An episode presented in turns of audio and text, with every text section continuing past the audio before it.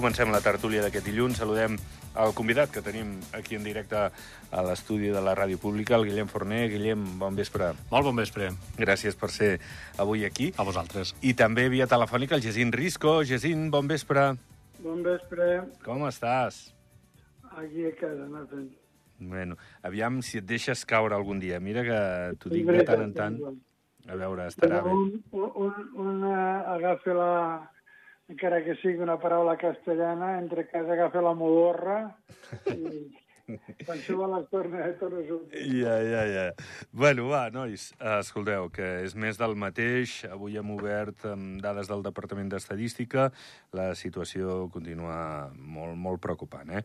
Uh, S'estan encarint encara més els pisos, els habitatges. De fet, s'han disparat uh, en aquest últim any un 15% més eh, en un any. Són dades, de, com dic, del Departament d'Estadística. De fet, el metre quadrat, la mitjana, eh, la mitjana, ja fregaria els 4.000 euros. Eh, bé, és una situació...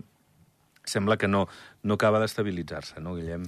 No, i de fet tampoc eh, dona una miqueta l'efecte de, de que s'hagi d'estabilitzar a curt o mitjà termini. La veritat és que no, no es veu una sortida en, aquest, en aquesta problemàtica i, i és realment preocupant que el que un habitatge pugi un 15% en un any, tenint en compte que abans ja no era econòmic, és a dir, que si, si haguessin pujat d'uns preus raonables, vale, però és que ja fa una sèrie d'anys, un, una bona tira d'anys, uh -huh. que la, la situació està creixent i sembla que és exponencial. Uh -huh. No es fa net, eh, Jacint? No, no, no es aconsegueix no, no. aturar la pujada. Bueno, jo avui, jo avui he sentit, és veritat, les dades al final corren i corren i corren i els números corren, corren i corren, com, jo, com quan estudiàvem de petits les matemàtiques, no? Però també hi ha una dada que, que he llegit avui que ja han, han baixat un cas un 20% les transaccions immobiliàries mm -hmm. aquests, aquests últims mesos. Mm -hmm. per, tant, per tant, la pròxima dada que doni de 4.000 euros al metre quadrat potser ja no serà tanta. Per tant, Clar, com si s'estigués ralentint una mica, potser, eh, aquest increment, no? ralentiment hi haurà una baixada de preus, sí o sí. Això és llei de mercat, per tant, per tant, ara no deixa de ser un drama el que pugi la broma aquesta 4.000 euros. Mm. Sí que és veritat que els béns immobles, que han reduït el seu valor, Eh, no sé si té alguna a veure amb el mal moment econòmic, però que tampoc és econòmic eh, o un mal moment per, per a tothom, no? però, però sí que hi ha sectors que estan patint molt, el comerç, per exemple, eh, doncs són precisament locals comercials o magatzems els que han experimentat una baixada del 29%, és a dir, no, no surten amb l'alegria o no es lloguen o no es venen amb l'alegria que es venien abans. No, està clar que, el, i més ara amb la imposició de, dels lloguers que, que tenim actualment, també amb, amb locals comercials, moltes vegades és, és prohibitiu, no, no surt a compte, no és rentable muntar un, un negoci en un local físic, i això també si, si ho afegeixes al, al, a la creixent que, que hi ha ara mateix a nivell del sector online, moltes vegades, mira, nosaltres des del Comú de la Massana, que cada setmana passem una miqueta les altes de, de, dels nous comerços, les modificacions, les baixes, i, i cada cop, cada cop hi ha més altes de comerços online, de, de comerços que ja s'ubiquen directament a, a, a cases particulars perquè la, la feina que fan és de, de venda online o de serveis online i és veritat que aquest sector potser és veritat està desplaçant una miqueta el, el, el sector comercial de, de tota la vida, mesclat precisament amb això, amb, el, amb aquest augment de preus que per muntar la típica botigueta, el típic negoci familiar o tradicional de tota la vida, eh, està començant a ser molt, molt complicat i, a més, veient cada cop més que aquests negocis que tots hem conegut des de que érem petits, a poc a poc també ja van tancant. Mm -hmm.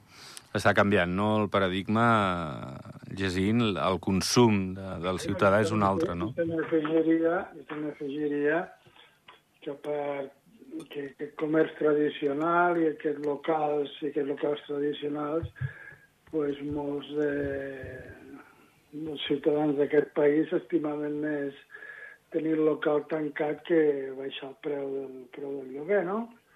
Això sí que és veritat, sí. Sabuda, és una cosa sabuda, sobretot aquí baix a la capital, Escaldes, al cas de la Massana, el Coneu, però suposo que deu anar per, per els mateixos els mateixos eh, d'allò, que això per, una, per un costat, i lògicament que el comerç s'ha de reinventar amb tot el tema d'internet i el comerç online, això ho tenim clar i tal com ha introduït el Guillem, té tota la raó.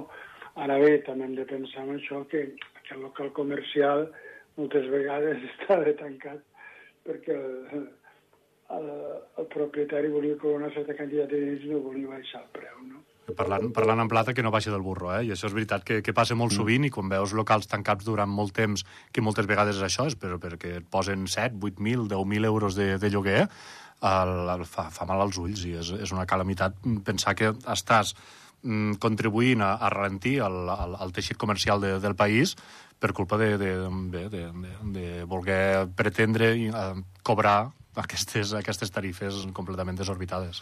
Sí. Bé, eh, parlem d'altres coses. Eh, demà hi ha sessió d'investidura, discursos d'Espot i Escalé. Eh, no sé què espereu, Guillem, de, del que puguin dir els dos eh, candidats a cap de govern, tot i que ho serà Xavier Espot. Eh, què, què pots esperar que, que diguin? Bé, el, el, la veritat és que quan em vaig enterar que el, que el Cerny postularia i, i faria candidatura com a, el, bé, com a, el, per la investidura, em vaig alegrar molt perquè penso que és un, és, és un pas, primer de tot, molt valent, molt important per, per part de, del CERNI també i d'una formació que, que acaba de néixer. Uh, crec que li pot donar molta visibilitat també en el projecte que, que ens vulgui presentar. Estarem molt atents precisament amb el Xavi, amb l'actual cap, que, que serà el que, que repetirà ho tenim més fàcil perquè, mm, lògicament, el seu discurs serà més continuista i, i presentarà segurament el, els èxits o el que ell considera que, que s'ha fet bé durant l'anterior la, legislatura i també les propostes de cara a la següent, però mm, mirarem amb especial atenció el plantejament que, el, que fan des de Concòrdia, també amb el, veiem que al final el PS també els hi ha donat suport, oi? Sí. I, i serà interessant i penso que és un, és un exercici de, de valor democràtic que, que hi hagi aquest, aquesta doble postura dins d'aquest de, de, procediment d'escollir. De, uh -huh. I tu, Jacint, què esperes demà? Completament d'acord amb el Guillem. Eh, no sé si fa enèsima vegada que ho dic, però bueno, no ho dic jo, sinó perquè segurament ho pensa molta gent. Som un país que hem perdut el debat el debat eh, profund, el, el debat de model de país, el debat de, de què volem ser, què volem fer amb les nostres muntanyes, amb el nostre, amb el nostre medi ambient, etc etc. És a dir, que hi hagi contraposicions idees, encara que ja sabem el resultat, és, és, és molt bo per la democràcia, com deia el Guillem. No? I en segon lloc, és una presentació amb una valentia del, del Cerni jo el trobo molt valent en el sentit de dir nosaltres pensem això, esperem i desitgem, i com diu el Guillem, que sigui l'expectativa de dir, aviam, què és el que esteu proposant vosaltres? Molta gent està dient, clar, ells poden proposar moltes coses, però com que no saben els números i no saben el dia a dia, doncs, doncs, eh, doncs eh, poden fer fins i tot, he sentit a dir algú volar coloms. Sí. Escolti, miri, quan un entra en un lloc de nou, pues, no sap les coses. Però el que sí és cert és de que aquestes idees generals, la filosofia general que pot tindre el CERNI enfront de, de, de, lo que, de lo que pugui dir el Javier, jo crec que s'ha d'escoltar i molt, i, molt, i molt atentament, com molt bé diu el Guillem. Eh? És, en certa manera, un full de ruta, és evident el que deia també el Guillem de la repassada d'aquests quatre anys de mandat, però també eh, el que queda per fer per ell i el que creu que, que ha de començar al país. Preveieu algun anunci que, que pugui dir, ostres, eh, que pugui sorprendre? Igual tu tens informació, Guillem, o tu mateix, Jacint. Igual teniu informació de si es preveu algun anunci que, que pugui eh, deixar doncs, un discurs realment de, de ser més pla o més normal a mm. ser excepcional. Bé, jo diria que, el, que um, part del debat, tant l'un com l'altre, anirà encarat precisament al que parlàvem fa una estona a nivell de l'habitatge, i suposo que aquí s'haurà de, de diferenciar molt clarament la línia d'actuació que, que els dos candidats volen, volen emprendre. Uh, penso que el Xavi segurament farà molt, molt èmfasi en aquesta nova fórmula que s'ha trobat a nivell dels informes de, de càrrega comunal que estan, uh, bueno, s'estan desenvolupant ara mateix i que hauran d'entrar en vigor d'aquí poc per intentar controlar i, i esdevenir un, un sistema d'urbanisme més sostenible i més pausat del que tenim ara. I, i per contra suposo que el CERNI eh, tirarà més també la qual cosa és, és, és molt digne d'estudi. A nivell de, de la inversió estrangera, per exemple, penso que, que serà molt important veure l'afectació i, i la interpretació que en fan ells de, de l'afectació que ha tingut la, la inversió estrangera precisament en aquest drama urbanístic que tenim a l'actualitat a Andorra i també les mesures que, que Concòrdia pense que s'haurien de tirar endavant per precisament no aturar, perquè és veritat que aturar és impossible i va contra qualsevol tipus de llei, però sí de regular molt millor i fer que realment la gent que entri al, al nostre país, el país en rebi un retorn molt més gran que el que ara té i, i que això no suposi que, que es mengi directament tant al sector immobiliari com al sector comercial i industrial d'Andorra. Mm -hmm. Tu preveus algun anunci que, que sobresurti de, del to d'espot?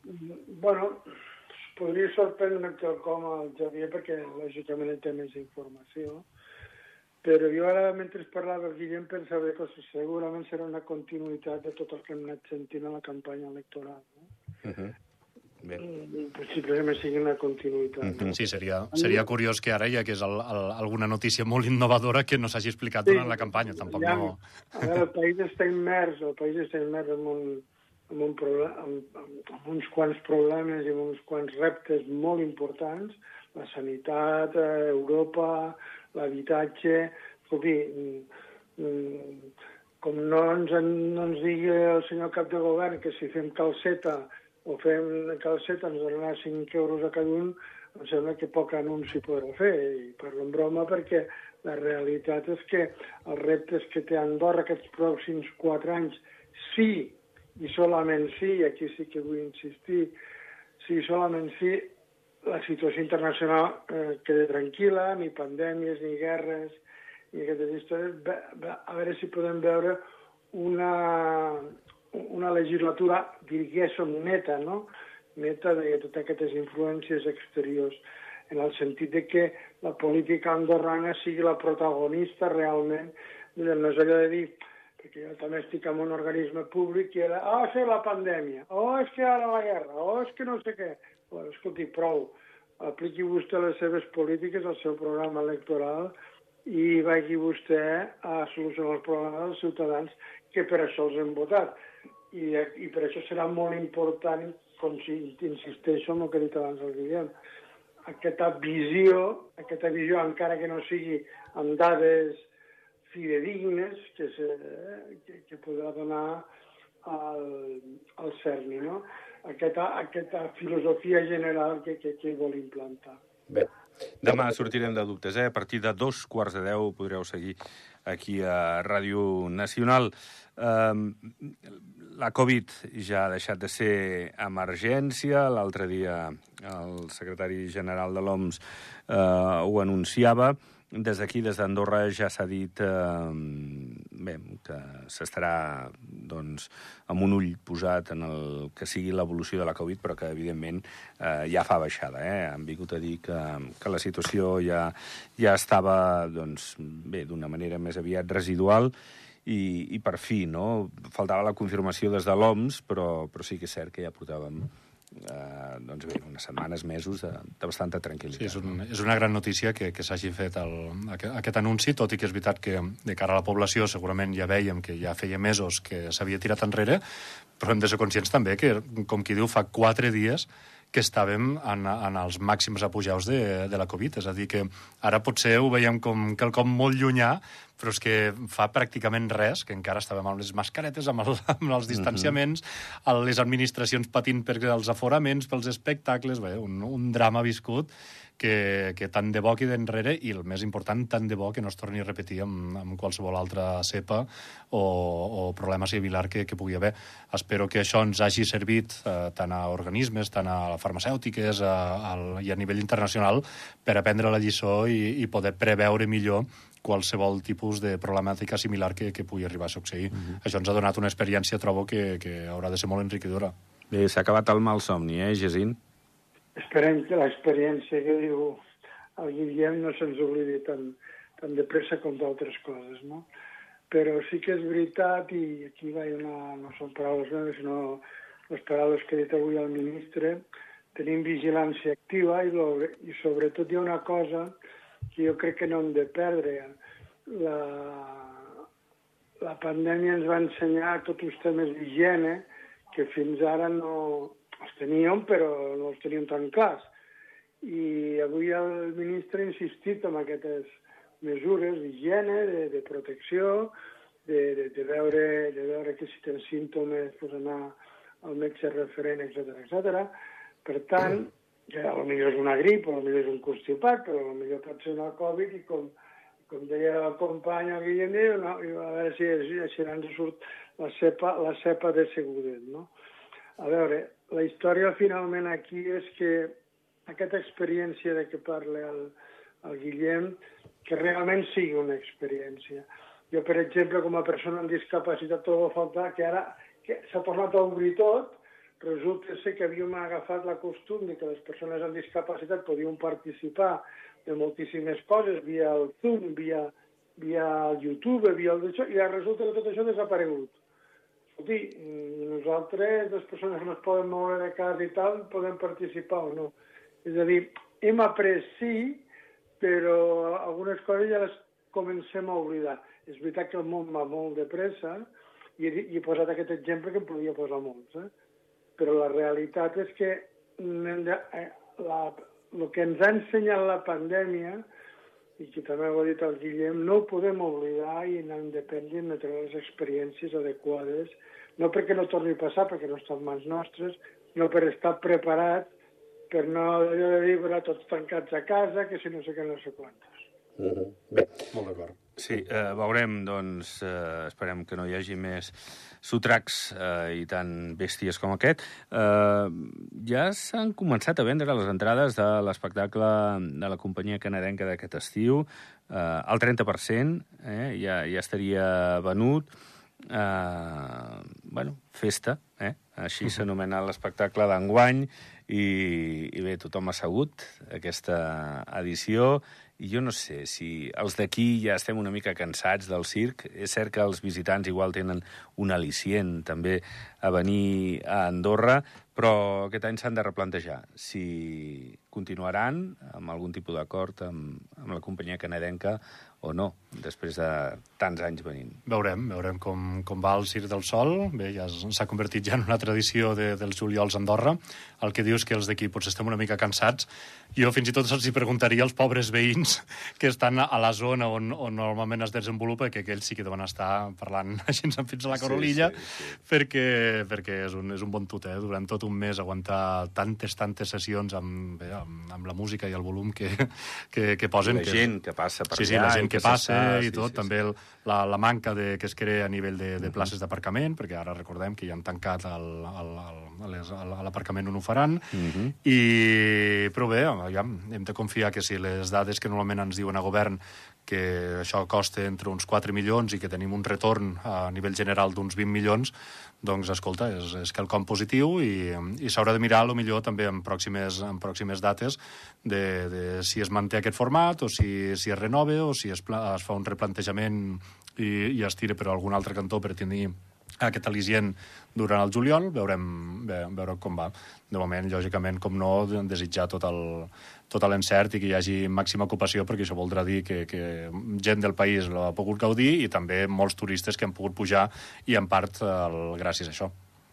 Gisin. Sí, bueno, parlant amb un home de la cultura, pues, jo trobo, ja, és veritat de que la cultura també és innovació, això em sembla que ho té més clar que jo, que la cultura és innovació i que hagi de vindre més el Cidi Soleil o no, això ja dependrà una mica d'aquesta innovació de què vulguem buscar, no? Se m'estava acudint mentre ho deien de les places d'aparcament que finalment la Conxita Marsol tenia raó amb el multifuncional, no? Sí. Uh, tenia raó amb el multifuncional perquè així no hagués molestat no hagués molestat o estorbat a ningú, no? Però jo, que, jo el que penso és que al final és veritat que la desestacionalització, eh, no, no oblidem que la nostra indústria és la neu, però clar, han de desestacionalitzar el país i la manera que es va trobar amb el du Soleil, per lo que es veu, i pels números com diu el Guillem, és, han sigut bons, que ha de ser el du Soleil? O una altra cosa, no ho sé, Aquí ja no, no sóc especialista en cultura, ni el que porta millor. Jo he vist, quan vaig veure que un disjockey allà a la Soldeu emplenàvem 5, 6 o 7 mil persones, doncs, van no estic a la paix, com aquest que diu, ja un vellet, del, del heavy, del rock and roll, però la realitat és que s'han de tindre aquestes idees per, per fer precisament, per fer precisament, no d'Andorra un parc d'atraccions com algú havia dit, que no és això, Andorra és un estat, és un estat que, que pot oferir molts serveis i molt bons, però la realitat és que, torno a, a lo d'abans, la cultura és innovació, i si la innovació és que els 10 anys del, del sol s'han acabat, doncs haurem de buscar una altra, una altra innovació. Sí, de fet, és, és curiós perquè el, el que dius és, tens tota la raó, Jacint, i, i penso que Andorra precisament té aquesta facultat, i penso que l'hem d'aprofitar molt, de poder tindre una simbiosis molt important entre els grans esdeveniments que últimament s'estan organitzant, com aquests que dius de, de Soldeu i els festivals de música electrònica, el Círculo Soleil, però també eh, tenir l'altra part contraposada que potser també és feina eh, nostra, de, parlant de, dels comuns més petits, potser, de, de continuar potenciant el, tot el que és la cultura de quilòmetre zero, la cultura de, feta per, pels d'aquí, que, que és una de les coses que també ens ha ensenyat molt la pandèmia, que ha ficat molt en valor, molt en relleu, a tot l'espectre cultural, el muscle, la musculatura cultural que té, que té Andorra, i penso que és molt interessant això, que, que es puguin organitzar grans esdeveniments, però sense perdre de vista també el que, que s'ha de seguir apostant molt fermament per la, per la cultura del país, més que res perquè s'ho val i ens ho ha demostrat, i durant la pandèmia encara més, i penso que ha sigut un dels punts positius que ha tingut precisament aquesta pandèmia, que ens ha donat l'oportunitat de conèixer molt més allò que abans potser passava més desapercebut.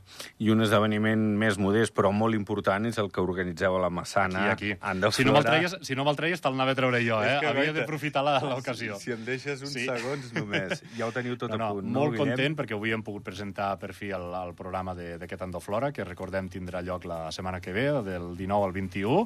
Em sona la música ràpid, però... va, vinga, no, no, molt, sí, molt, molt content. Animo a tothom a que revisi el, el programa d'aquest Andoflora, que està carregadíssim de, de d'esdeveniments, eh, tant culturals com també a nivell de participació ciutadana. Tenim moltes entitats que hi participen. És la festa de, de la Flor i també és la festa de la parròquia de la Massana. Ho hem de deixar. Gràcies, Hola. Guillem. gràcies, Jacint, també. Una abraçada. Una abraçada. Que Moltes gràcies a vosaltres. Gràcies. Adéu. Pleguem veles. Demà tornem a les 7. Que vagi molt bé. Adéu-siau.